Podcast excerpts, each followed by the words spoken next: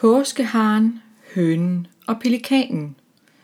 Ved kysten lå en lille by, og i den by boede tre venner. En hare, en høne og en pelikan. En dag i foråret sad haren, hønen og pelikanen og hyggede sig i haven. Der kom postbuddet og gav haren og hønen hver et brev. Haren åbnede sit brev og udbrød. Juhu, Uh, jeg er blevet udpeget til at være byens påskehare i år. Hønen og pelikanen ønskede haren til lykke med det flotte og vigtige job. Så åbnede hønen sit brev. Derpå kavlede hun. I, jamen dog, jeg er blevet valgt til at være påskehønen i år. Haren og pelikanen ønskede nu hønen til lykke med dens lige så flotte og vigtige job. Men pelikanen var trist, for den havde intet brev fået, og intet flot og vigtigt påskejob. Men pelikanen glædede sig dog på sine venners vegne. Kort tid derefter kom der store leverancer af påskechokolader til haren og til hønen. Og der kom lister med navne og adresser på dem, der skulle have leveret påskechokoladerne af påskeharen og af påskehønen. Og kort tid derefter kom påskedagen, hvor chokoladerne skulle bringes ud. Tidlig om morgenen mødtes påskeharen og påskehønen med pelikanen, der havde lavet et solidt morgenmåltid til dem. De spiste, og især haren og hønen var i højt humør. Nu var den store dag endelig kommet.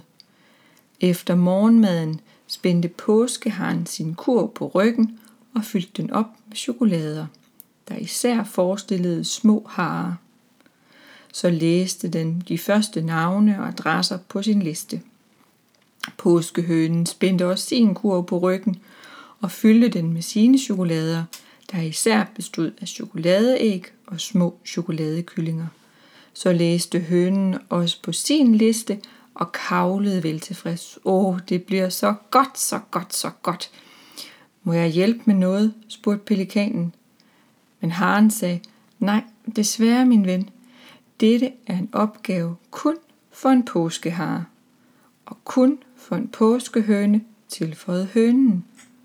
Fulde af energi strøg påskeharen og påskehønen afsted med deres kurve med chokolader. Men pelikanen græd. Den var ked af, at den ikke kunne få lov til at hjælpe, og at den ikke måtte være med. Påskeharen og påskehønen arbejdede hele dagen. De løb fra hus til hus og fra have til have. De afleverede den ene chokoladehare og chokoladekylling efter den anden, og det ene chokoladeæg efter det andet. Afsted, afsted det gik. Da solen var ved at gå ned, var påskeharen og påskehønen ved at være færdige. De slæbte sig udmattede tilbage til pelikanen, hvor den sidste forsendelse påskechokolade stod og ventede. Nu er vi næsten færdige, pustede haren. Ja, stønnede hønen. Hvem skal have den sidste pakke? Lad mig se på listen, sagde haren, men så gispede han og udbrød. Ak, den sidste pakke skal over på den lille ø, den med fyrtårnet, den der ligger lige ved indsejlingen til byen. Der er ingen bro, og jeg kan ikke svømme så langt, og der slet ikke med chokoladerne. Åh nej da, jamrede hønen. Det kan jeg heller ikke, og jeg er bange for, at jeg slet heller ikke kan flyve så langt. Jamen dog, hvad skal vi dog gøre? Og så græd påskeharen og påskehønen. Haren hulkede. Påskechokoladen skal frem, det har vi lovet. Og hønen genså, jamen dog, hvad skal vi dog gøre? Men så kiggede haren og hønen på hinanden. De tørrede deres tårer bort og rømmede sig og rettede sig og vendte sig til pelikanen. Så spurgte haren, kære ven, vores pelikan, vil du hjælpe os? Og hønen tilføjede, du er den eneste, der kan, og du er den bedste til netop dette påskechokoladeleveringsjob. leveringsjob. Haren og hønen så på deres pelikanven med bedende øjne, men ikke ret længe, For pelikanen smilede med det samme og sagde stolt, jeg vil med glæde bringe påskechokoladen ud. Det vil være en stor ære. Haren og hønen jublede og sang, du er en rigtig ven, hvor kære pelikan. Og så læssede haren og hønen den sidste chokoladepakke i pelikanens næbpose. Pelikanen strakte sine stærke vinger og fløj med raske slag op i luften. Den fløj over vandet og ud til øen. Mens solen gik ned, afleverede pelikanen den sidste pakke påskechokolade, og i de aller sidste aftensolstråler vendte den tilbage til sine venner.